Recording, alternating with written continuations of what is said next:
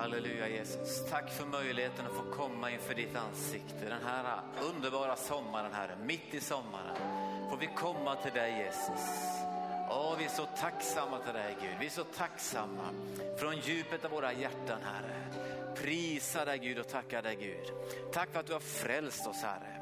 Tack Jesus för att du har frälst oss. Tack för att du har fyllt oss med den helige ande. Vi prisar dig Gud. Tack Gud. Åh, vi är så tacksamma. Vi är så tacksamma Jesus. Tack för frälsningen idag Herre. Tack för korset idag Herre. Tack för blodet idag Herre. Och vi prisar dig Jesus. Halleluja. Halleluja Jesus, vi prisar dig. Underbara frälsare. Tack att våra hjärtan är renade i Jesu blod. Att vi kan komma med frimodighet inför nådens tron och få nåd till hjälp i rätt tid Herre. Tack att idag är frälsningens dag Herre. Idag Gud så vill du göra under mitt ibland oss. Prisar för att idag är du densamme Gud. Du är densamme idag som du varit i evigheternas evigheter. Tack för ditt ord som för evigt står fast i himmelen Herre. Och vi prisar dig Jesus, halleluja. Prisa ditt heliga namn, lova ditt mäktiga namn, ära ditt underbara namn. Prisa dig Jesus Kristus, halleluja, halleluja Jesus. Prisa ditt namn. Tack så mycket till er lovsångare, jättehärligt att prisa Gud tillsammans. Visst är det skönt att kunna träffas så här och, och inte bara titta på en skärm utan faktiskt få se att de människor som man har sett på skärmen eller inte sett på skärmen faktiskt finns i verkligheten. Man får nästan nypa sig i armen och levt som en liten sån här subvärld. Det kan ju bli så att när man ser på tv, man liksom kan ju ha en sån här inställning till tvn, ja men det är ju liksom en film eller något och det är ju bara någonting som någon har hittat på. Men Jesus är inte påhittad, Guds ord är inte påhittat, så du är varmt välkommen hit idag. Och du som av någon anledning inte är på gudstjänsten fysiskt närvarande, du är också givetvis varmt välkommen idag att eh, delta här. Vare sig du gör det live eller om du ser det i efterhand. Och eh, Gud välsigne dig. Eh, vi har som sagt var en gudstjänst mitt i sommaren och hittills har vi inte behövt frysa, eller hur? Det har varit jättevarmt och skönt. En härlig ljus sommar. Och eh, Gud han gör underbara saker i vårt land och han kommer att fortsätta göra det. Vi ska tala lite grann idag om bekännelse.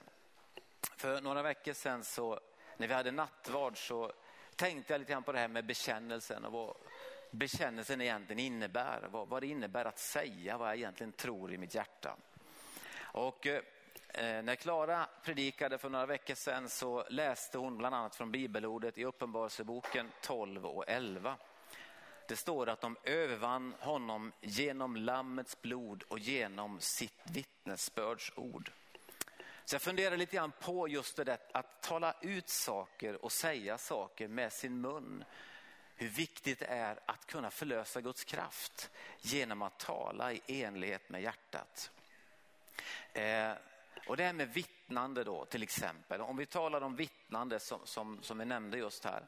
Att de övervann honom genom lammets blod och genom sitt vittnesbördsord. Det här med att vittna används, ordet används ju inte på så jättemånga olika platser. Vi pratar om det i kyrkan, att vittna om någonting som man har sett och hört. Men vittna, det kan också vara någonting som man gör i en rättegång, någonting som man berättar att det här är faktiskt sant. Och eh, att vittna i en rättegång det kan ju betyda oerhört mycket för en utgång, hur det går i det här målet då som man ska avgöra. Eh, vad vittnar vi då om som troende? Jo, vi vittnar om vad vi har sett och hört, vad jag tror på och vad jag har upplevt.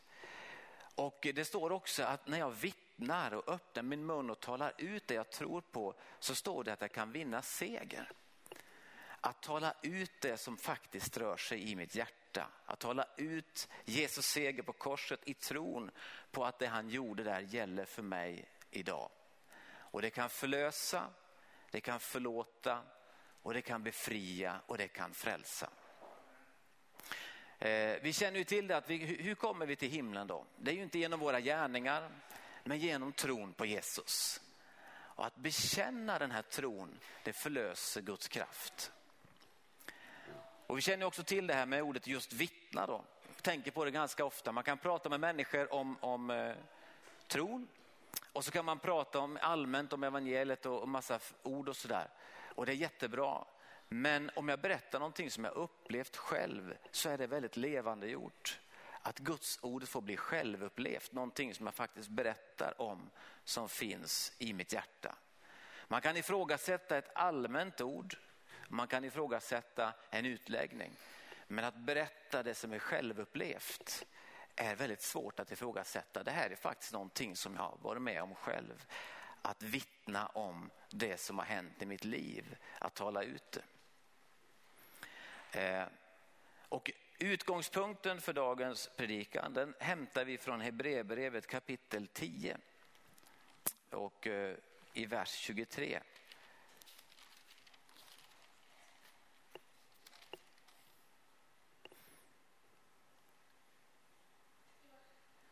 Låt oss orubbligt hålla fast vid hoppets bekännelse. Till den som har gett oss löftet är trofast. Är inte det härligt? Att han som har gett oss löftet är trofast. Och vi uppmanas att hålla fast vid hoppets bekännelse. Vad är då att bekänna för någonting? Ja, slår man upp det i en vanlig enkel svensk ordbok så är synonymerna att erkänna, att medge, att avge bekännelse, att tillstå, vidgå, tillkännage, öppet förklara, yppa, tala om eller bikta. Att bekänna sig till är att deklarera och tala ut vad det som rör sig inom mig. Man kan gå och hålla på en sak inom sig själv och bära på den. Men det blir inte förlöst förrän man talar om det, förrän man berättar om det. Man kan bära på saker i sitt hjärta, men det blir liksom inte levande förrän man talar ut det, berättar för någon eller hör sig själv säga dig. Jag har tre punkter idag och den första punkten den heter bekänna sin tro. Och bekänna, det kan man säga att det är att säga samma sak som. Bibeln har mycket att säga när det gäller vad vi talar och säger. Så låt oss då läsa det fantastiska ordet som handlar om frälsningen i Romarbrevet kapitel 10.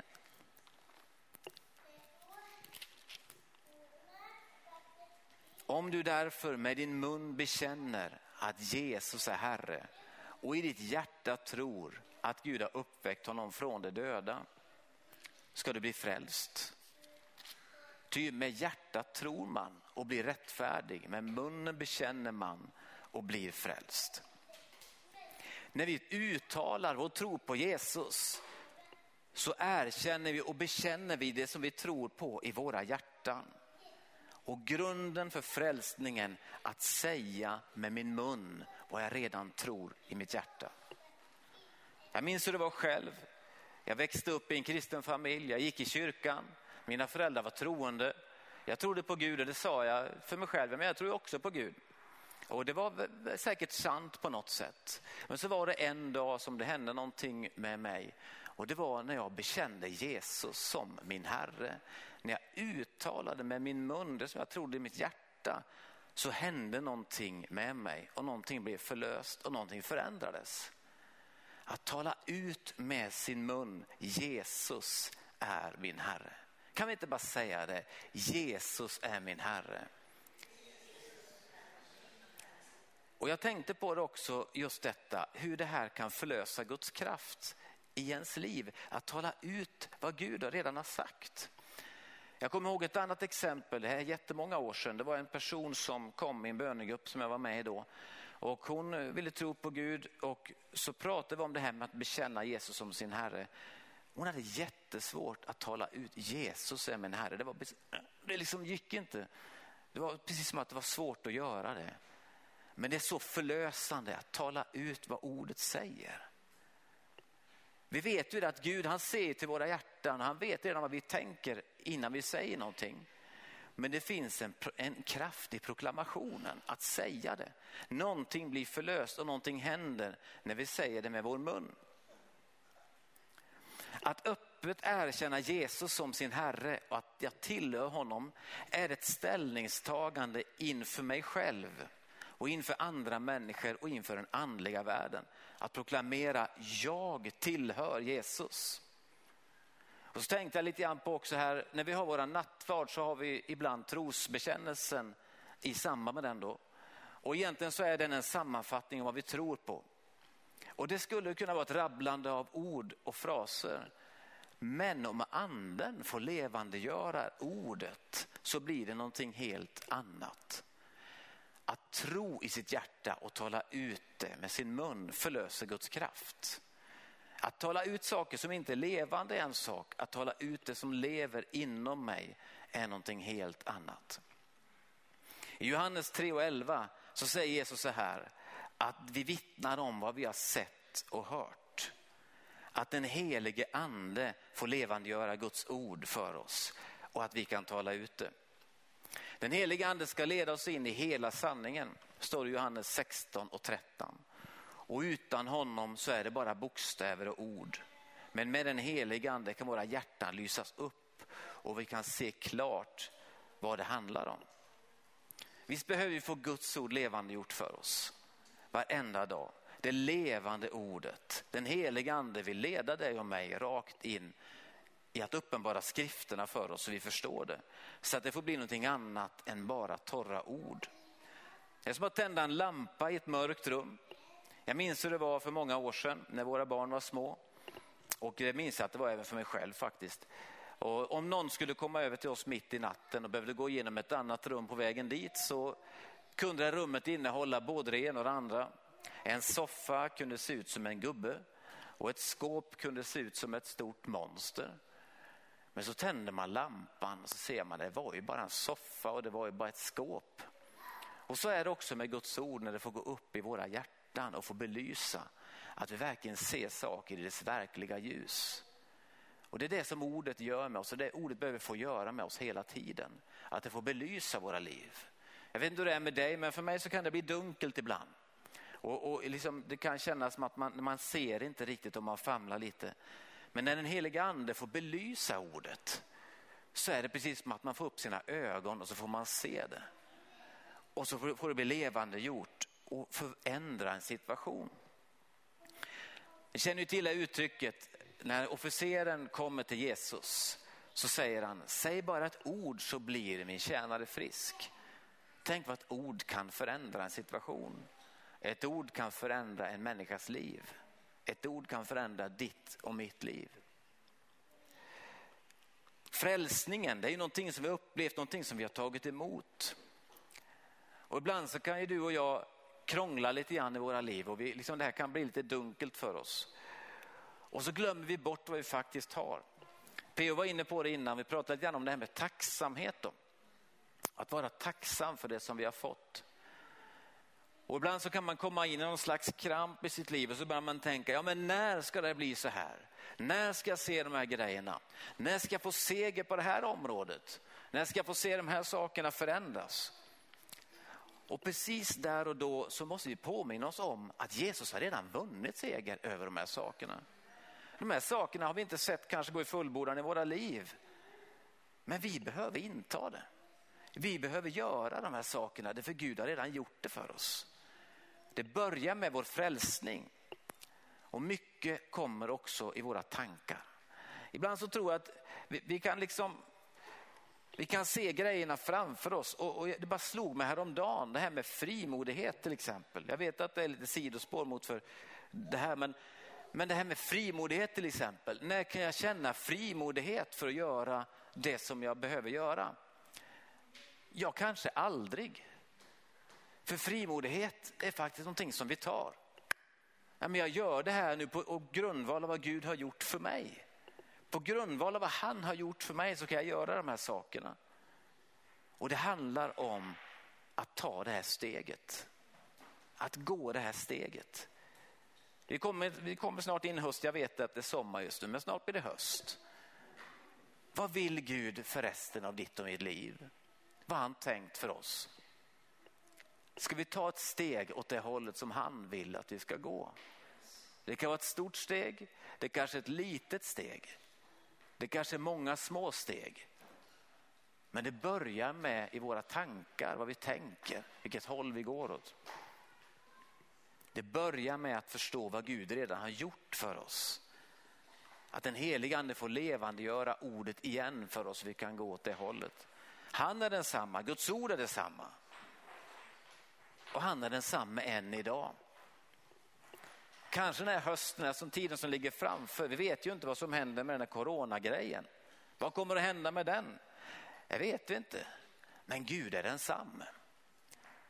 Gud han vill göra under, han vill göra tecken, han vill göra saker idag. Han vill använda dig. Säg, han vill använda mig.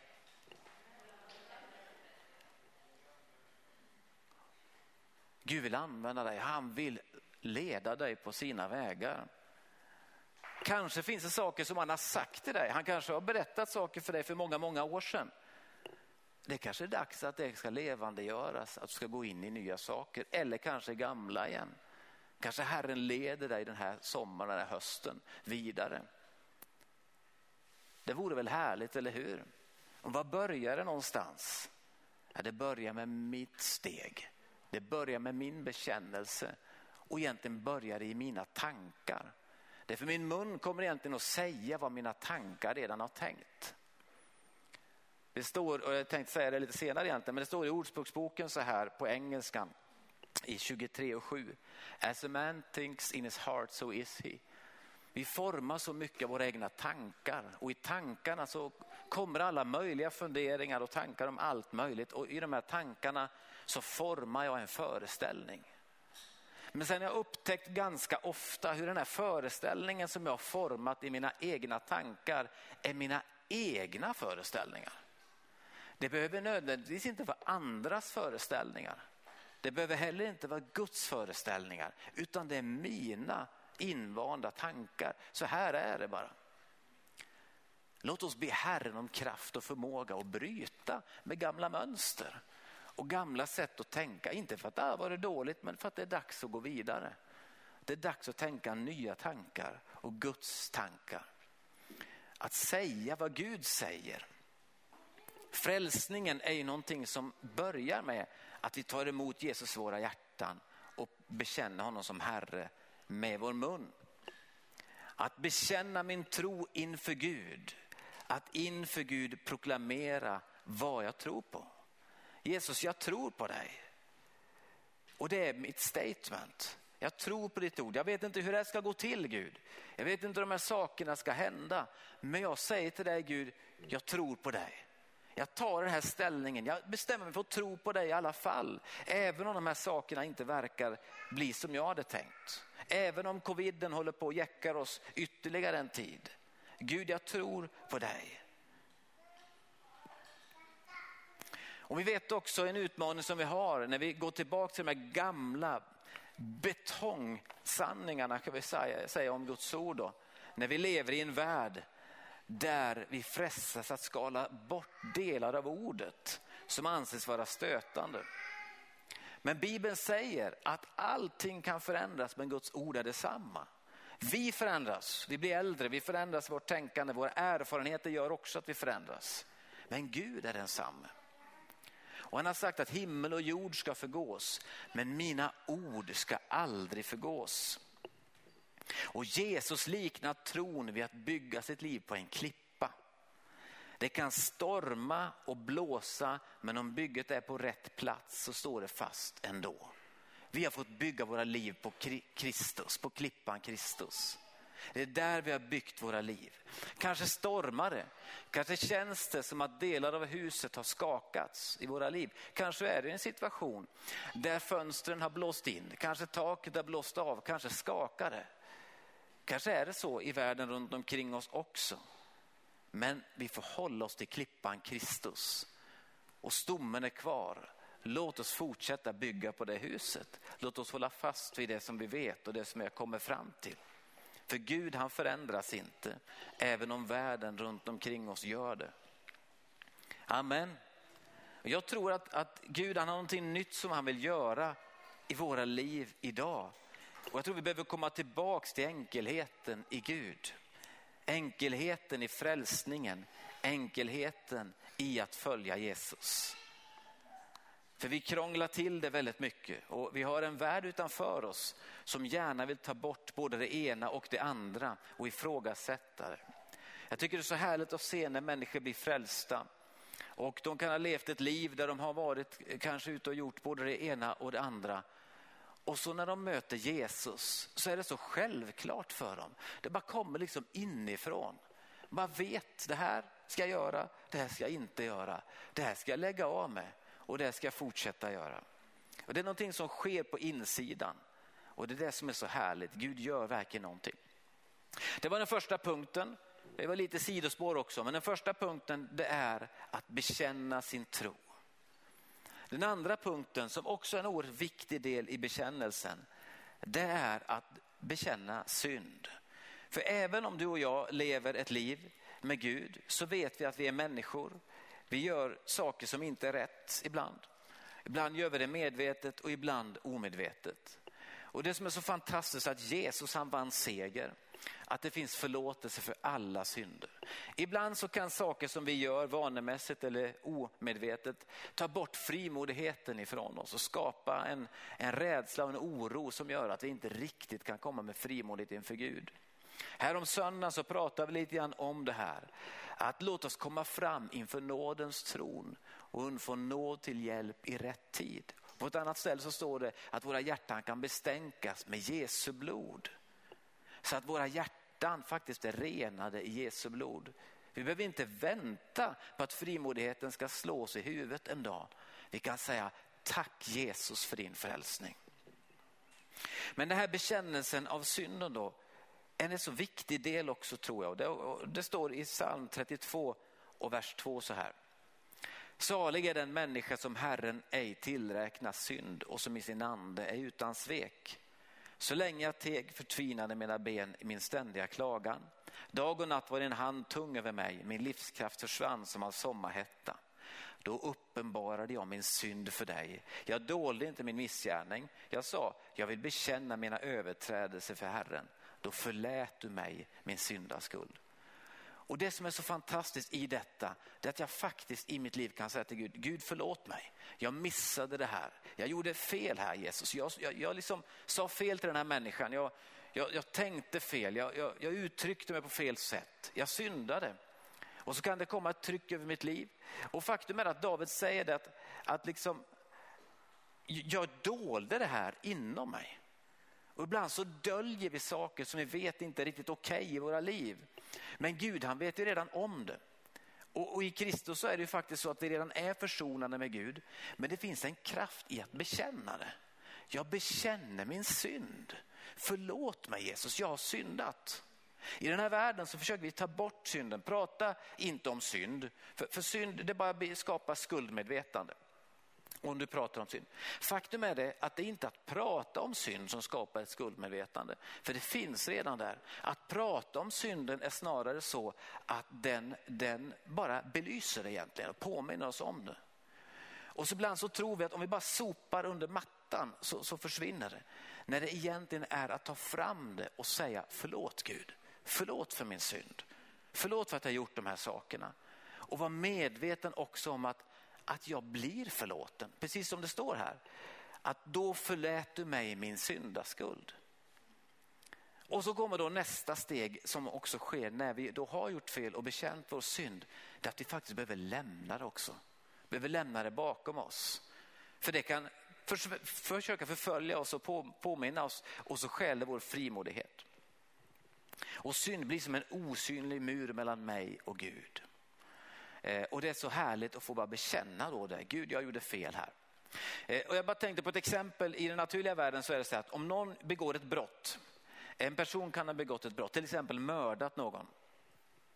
Och vi känner till många berättelser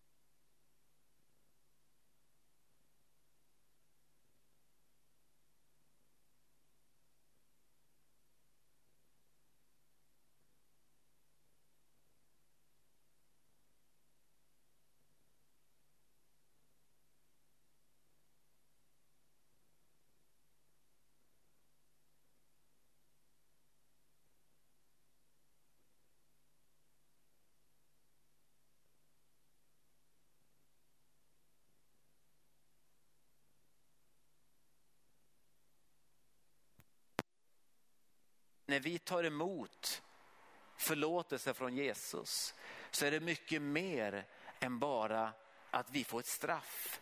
Jesus har burit straffet en gång för alla. Jesus har burit straffet. Och nu är vi tillbaka igen. Halleluja. Eh, Gud är god. Så att bekänna sin synd förlöser någonting. Det förändrar någonting. Frälsningen talar om att räddas från mörker till ljus. Vi är frälsta från mörkret, vi är försatta in i Guds älskade sons rike. Eh, den goda nyheten är att det finns förlåtelse i Kristus Jesus. Och vi får ta emot Guds förlåtelse och upprättelse.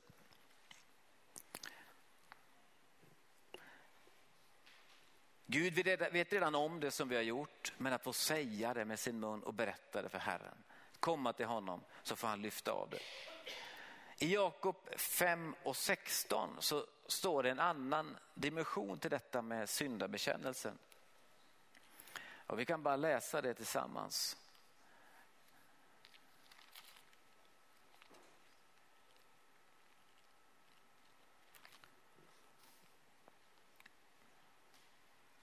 Bekänn alltså era synder för varandra och be för varandra så att ni blir botade. Det här med att bekänna saker för varandra. Jag har hört många exempel på hur stor betydelse det kan vara att leva i en öppen relation, till exempel i sitt förhållande eller kanske i en, med en förtrogen vän eller i en bönegrupp, att faktiskt få berätta bördor som ligger på mitt hjärta. Att bekänna sin synd, jag brottas med den här grejen. Och det är att dela bördor med varandra kan man säga, att bära varandras bördor. Det är ett ganska stort steg att göra det. Men det finns en enorm styrka i det. Att bekänna för någon annan det som jag faktiskt bär runt på och det som jag kämpar med. Det var nummer två. Punkt nummer ett, att bekänna sin tro. Punkt nummer två är att bekänna sin synd. Punkt nummer tre är att bekänna Guds ord. Och eh, när vi talar om att bekänna Guds ord så fanns det väldigt mycket i den rörelse som vi kallar för trosrörelsen, att man talade ut och bekände ordet.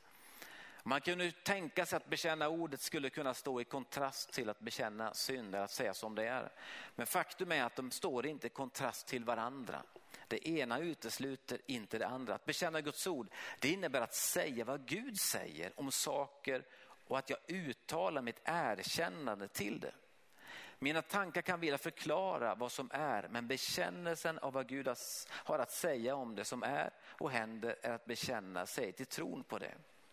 Att underordna sig Guds förmåga. Första Petrus 4.11 säger att tala, om någon talar ska hans tal vara i enlighet med Guds ord. Och nu när vi ändå är i Jakobsbrevet ska vi bara läsa några verser här ifrån Jakobsbrevet kapitel 3 och vers 2 framåt. Vi begår alla många fel.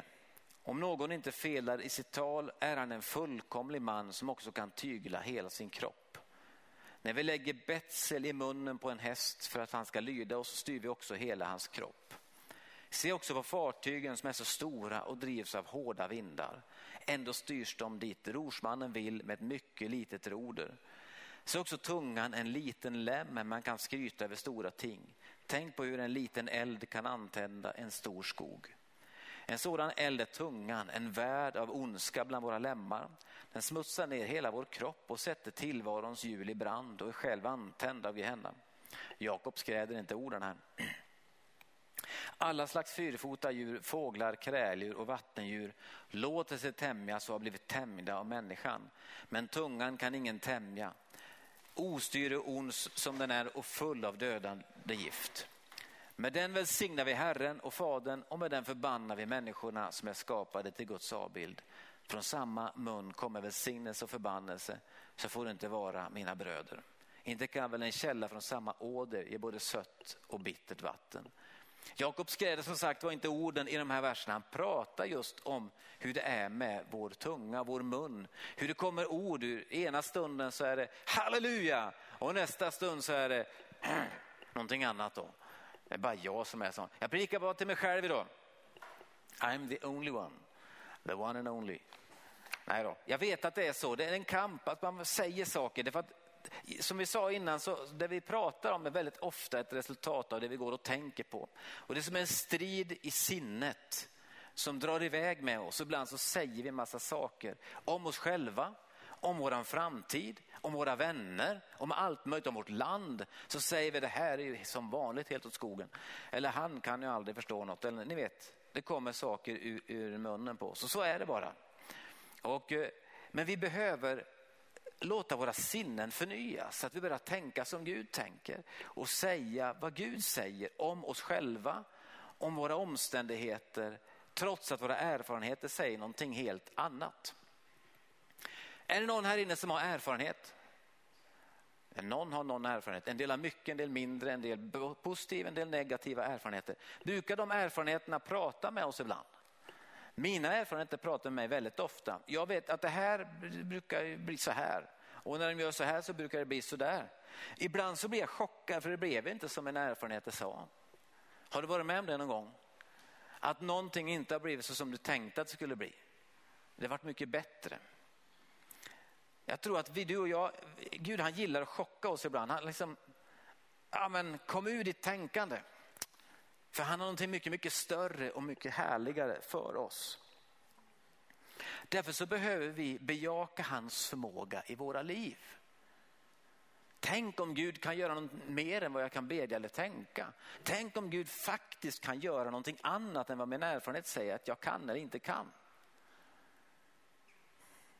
Tror vi det? Men det gör vi ju egentligen, men sen glömmer vi bort det ibland bara. Eller bara jag kanske. Och, och, och, just det här med tankarna då, att våra tankar får oss att säga en massa saker och så kommer vi in i en, en, ett ekorrhjul och så fortsätter vi. Och som jag sa innan, att, att tala Guds ord, att tala ut vad ordet säger är inte en motsats till att bekänna sin synd. Det är två olika saker. Båda sakerna hör hemma. Jag, hade, jag gick en kurs i höstas och det handlade väldigt mycket om att eh, man skulle eh, prata mycket om lidandet i Kristus och det handlar väldigt mycket om själavård och sådana saker. Jätte, jättebra saker. Eh, man kunde gå så långt i den kursen som man till och med påstod att man, man eh, att liksom, det blir en kontrast till att faktiskt säga vad Gud säger. Och att säga vad Gud säger är inte att förneka verkligheten. Verkligheten är verkligen som den är. Verkligheten är alla de här sakerna som jag möter. Det är alla de utmaningar jag har haft eller har. De är verkliga och alla kan skriva under på att det är så. Och det handlar inte om att förneka det, men det handlar om att Gud har någonting att säga om min verklighet. Han har någonting att säga om min erfarenhet. Han har en förmåga att göra någonting mer av det än vad jag har erfarit eller sett. Han vill förändra och han kan göra någonting mycket större och mycket bättre än de här sakerna. En mästare på det här borde väl vara Paulus, eller hur? Han reste över hela den då kända världen och predikade evangelium. Satt han i fängelset någon gång? Ja. Blev han slagen någon gång? Ja. Då. Var det folk som hatade honom? Ja. Var det folk som försökte döda honom också? Hade han en verklighet som Visa sig för honom? Ja. Slutar han för det? Nej. Är det så för dig och mig också då kanske att ibland så grinar grejerna sakerna oss i ansiktet och säger det ena och säger det andra. Och vi kan inte förneka, för det gör de verkligen och erfarenheterna har verkligen drabbat oss. Men Gud säger någonting annat. Han säger lämna det där, gå vidare. Jag har någonting nytt för dig. Fortsätt att komma ihåg vad jag har att säga om det som du står inför. Ändra mitt vanetänkande. Gud är mycket, mycket större. Och som vi sa innan, om Ordspråksboken 23 och 7 på engelska så står det, som en man tänker i sitt hjärta så är han. Ja, visst så är det ju faktiskt. Man gör ju så som man tänker. Ehm, men att bekänna ut vad Gud har att säga om mig kan, få, kan ändra mitt tänkande om mig själv och andra. I andra Korinthierbrevet 5 och 21 så står det att jag har blivit rättfärdiggjord i Kristus Jesus. Alltså kan jag säga, jag är rättfärdig i Kristus. Han tog min plats och jag fick ta hans plats. Det saliga bytet. Jag kan bekänna ut det. Att jag har blivit rättfärdiggjord i Kristus. Rättfärdiggörelsen i Kristus kan faktiskt ge mig den frimodighet som jag behöver för att komma inför Gud. Det kan ge mig den frimodigheten jag behöver att idag göra de sakerna som Gud vill att jag ska göra. Jag behöver bara bli påminn om det. För annars kan jag gå omkring och bli en slav under skuldkänslor, över misslyckanden och saker som jag blir påmind om gång på gång på gång. Och då kan jag påminna om att jag är rättfärdiggjord i Kristus Jesus. Hur många kan säga jag är frälst för jag är så fruktansvärt bra? Alltså det finns säkert någon som säger så, men det finns ingen som är så bra på att påminna sig själv om hur mycket fel jag gör som jag själv. Eller min fiende. Alltså måste jag ju komma ihåg att den frimodigheten som Gud har gett mig, den börjar ju inte gälla den dagen som jag har seger på alla områden. Den börjar ju den dagen som jag tar emot Jesus i mitt hjärta och får ta emot hans rättfärdighet. Amen. Det ursäktar ju inte att jag gör en massa dumma saker, men jag är rättfärdig. Det vet du ju att det inte gör. Utan det betyder ju bara att min ställning inför Gud är rätt. Vi har barnaskap hos Gud. Hur många barn kommer till sin far? Snälla pappa, jag vet att jag har gjort en massa fel. Jag vet det här och vet det här. Nej, de kommer bara in. Pappa kan jag få en glass? Eller vad det nu man vill ha. Och den relationen kan vi ha med vår pappa, vår Gud. Jag är rättfärdig i Kristus. Jag kan säga det. Jag är rättfärdig i Kristus. Och varför behöver jag säga det för? Jo, för det hjälper mitt huvud att tänka annorlunda. Och säga det kan faktiskt bryta ett betryck. Jag är rättfärdig i Kristus. Så händer någonting där i mitt liv. Och så står det i Kolosserbrevet 1 och 13 så här, att vi blivit frälsta från mörkrets rike och försatta in i Guds älskade sons rike. Jag har blivit överförd från mörker till ljus. Och det är sant eftersom Jesus vann segern över döden och frälste mig från mörker till ljus. Vi är inte kvar i mörkrets rike. Vi är faktiskt frälsta in i ljusets rike. Vi har blivit frälsta. Är inte det härligt? Det känns inte så. Nej, det är faktiskt inte alltid det känns så. Men vi kan vara saliga i vår tro och påminna oss om vad Gud faktiskt har sagt. Så står det i första Johannes brev, det här är bara några exempel, fyra och fyra. Han som bor i mig är större än den som är i världen. Ah, det verkar inte så. Nej, det är inte alltid det verkar någonting kan jag säga. Men man behöver liksom gå ut ur sin kammare och han som bor i mig är större än den som är i världen. Och säga det. Det är sant för Jesus vann seger över döden. Han vann seger över mörkret. Och han som bor i mig är större än den som är i världen. Så frågan nu, vi börjar komma in mot slutet av predikan här nu. Frågan är nu, vad säger du om dig själv? Vad säger du om dina omständigheter? Vad säger jag om min framtid? Vad säger jag om min familj? Vad säger jag om min församling? Vad säger jag om min stad och mitt land? Vad säger jag för någonting? Det betyder inte att man inte kan säga som det är, det är inte det det handlar om. Men det handlar om att påminna sig vad Gud har sagt och säga vad han säger. Vi möter många gånger tankar och omständigheter som berör oss på djupet. Det kan vara berg som reser sig upp, mörka moln som hopar sig och negativa erfarenheter som vi blir påminda av. Fruktan griper tag i oss och vi tvivlar på att det ens finns en utväg. Vad säger ordet? Sten Nilsson han var en härlig gudsman som var uppe på Livets Ord som lärare där på 80-talet när jag gick bibelskola. Och han sa att vi ska använda ordet som en cowboy. Och ni som är lite yngre, ni har inte sett westernfilmer, men det gjorde vi när vi var unga. Och det var fram med pistolerna, skjut Guds ord bara. När fienden kommer med sina lögner, tala ut ordet. Vad säger ordet för någonting? Ordet har något att säga om den här omständigheten. Du kan ingenting. Allt förmår jag i honom som ger mig kraft. Du är fattig. Jesus fyller alla mina behov. You name it. Det är det här som är, vi måste påminna oss om detta. Och under den här, liksom, vi, vi pratar ibland med våra vänner om olika väckelserörelser. Det var en väckelserörelse på 80-talet. Och det som Gud gjorde då, det gör han nu. Han gör helt nya saker nu, men han, de sakerna som han gjorde de har inte försvunnit. Förstår vad jag menar? Och då blir jag påminna om en sång. Och jag ska bara läsa den, jag ska inte sjunga den för dig. En del av er känner igen den här. Och den är, den är en sån härlig proklamation och det är liksom Guds ord rakt igenom i den här sången. Eh, och, och, och, fast det är olika bibelcitat, massor efter varandra. Och det var det vi sjöng ut mycket. Har ni hört den här? Om allt är mörkt omkring dig och problemen hopar sig. Du ser inte någon utväg och himlen verkar stängd. Men då finns en väg att gå på. I och genom Jesu blod har vi tillträde till Fadern. Jesus sitter på sin tron. Han är på tronen och han vill bistå dig med sin kraft. Överflöd av glädje inför hans tron. Lyft din blick och frukta ej. Jesus manar gott för dig. Han har ej förändrat sig. Han är på tronen. Det är ju sprängfyllt det här.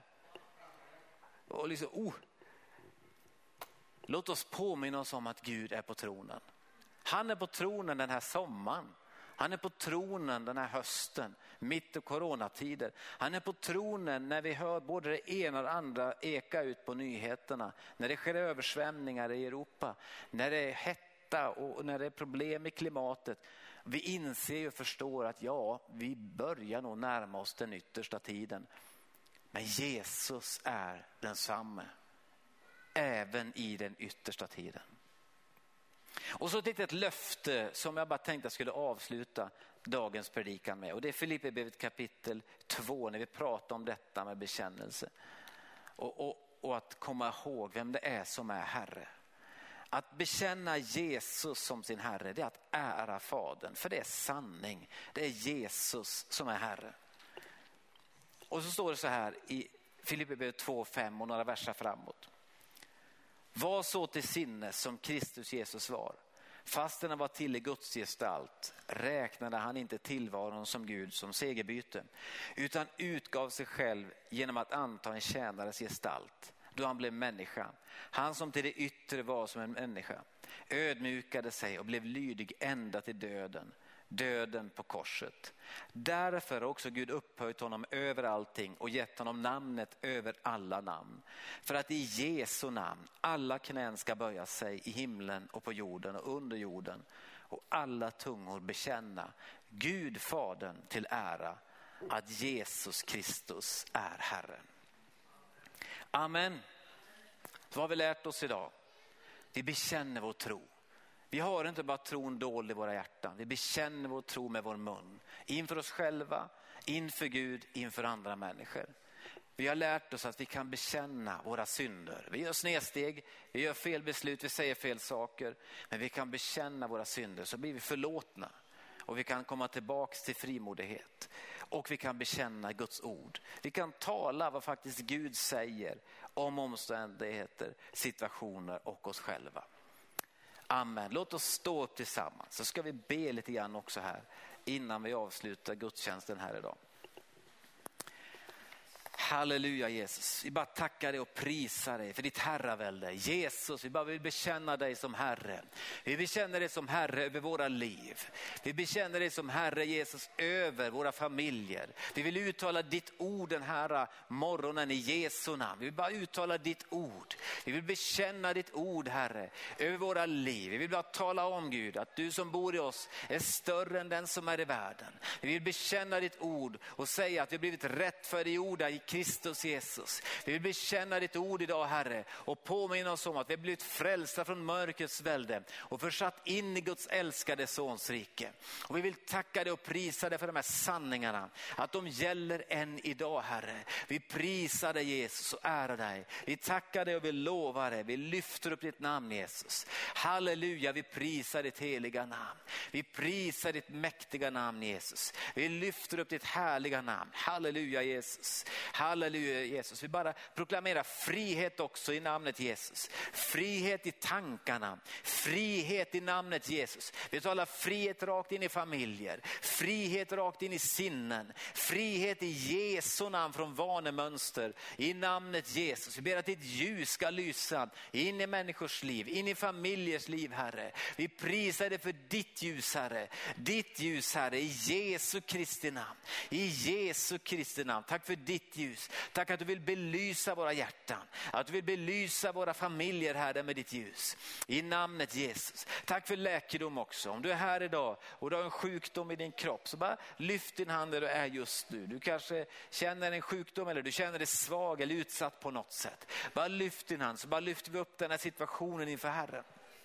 Om du är med och lyssnar på tv också så bara sträck upp dina händer och låt Jesus fylla dig med sin härlighet. Herre vi bara ber om din kraft, vi ber om din härlighet, vi ber om din styrka i Jesu namn. För varje situation, om någon som har hört det här budskapet idag Herre, som känner sig träffad eller känner sig utmanad på något sätt, så bara ber vi att du ska komma med din styrka just nu. Att du ska komma med din härlighet just nu, med din kraft just nu. Om någon upplever mörker runt omkring sig så proklamerar vi ditt ljus i Jesu namn. I namnet Jesus. Och vi talar till dig Satan och lämna i Jesu namn den som är betryckt. Och vi talar frihet i Jesu namn över sinnen, över familjer, över tankar. Vi talar läkedom i sjukdomssituationer. I Jesu namn, smärta får lämna. I namnet Jesus. Halleluja Jesus. Åh, vi tackar dig. Åh, vi prisar dig Gud. Ära dig och tillbe dig Jesus. Halleluja Jesus, halleluja Jesus. Prisa dig Jesus, halleluja. Vi kan väl be lovsångarna komma fram och så kan vi väl prisa Herren. Och nu Ulla har något att säga här. Du kan ta den micken om du vill.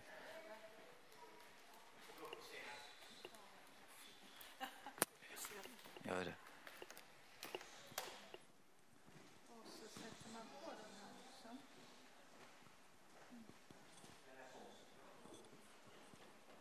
Ja, jag ska försöka vara lydig här. I början på gudstjänsten så fick jag hemlighet. Och då, när jag får ett ord så, så börjar jag söka Gud. Vad vill du att jag ska säga? Ska jag säga något? Och sen kämpar jag med detta. Och då fick jag att det finns någon här eller som lyssnar, eller kanske flera, som bär på en hemlig kallelse och den, den som vet om det är du och det är ju naturligtvis Gud som har gett dig den kallelsen. Och jag fick så här att nu är tiden att, att komma in i den kallelsen, att söka mitt ansikte för vägledning, den förberedelsetid och den början på din kallelse. Och om du känner ett stygn i ditt hjärta eller berörd så är det verkligen till dig. Och du ska söka Gud, Herren din Gud. Och han ska tala till dig. Och vi alla ska söka hans ansikte i tiden som ligger framöver. Höra honom tala till oss, både genom sitt ord och direkt. I Jesu namn så ber jag för de här personerna som har faktiskt en hemlig kallelse som de inte har gått och berättat om. Men den ligger ju där från Gud. Jag bara förlöser dem in i den här kallelsen. I Jesu namn. Amen.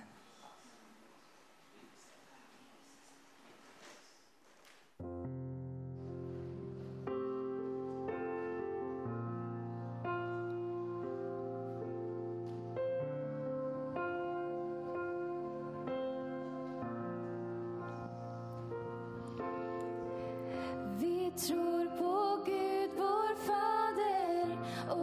Jesus Kristus son.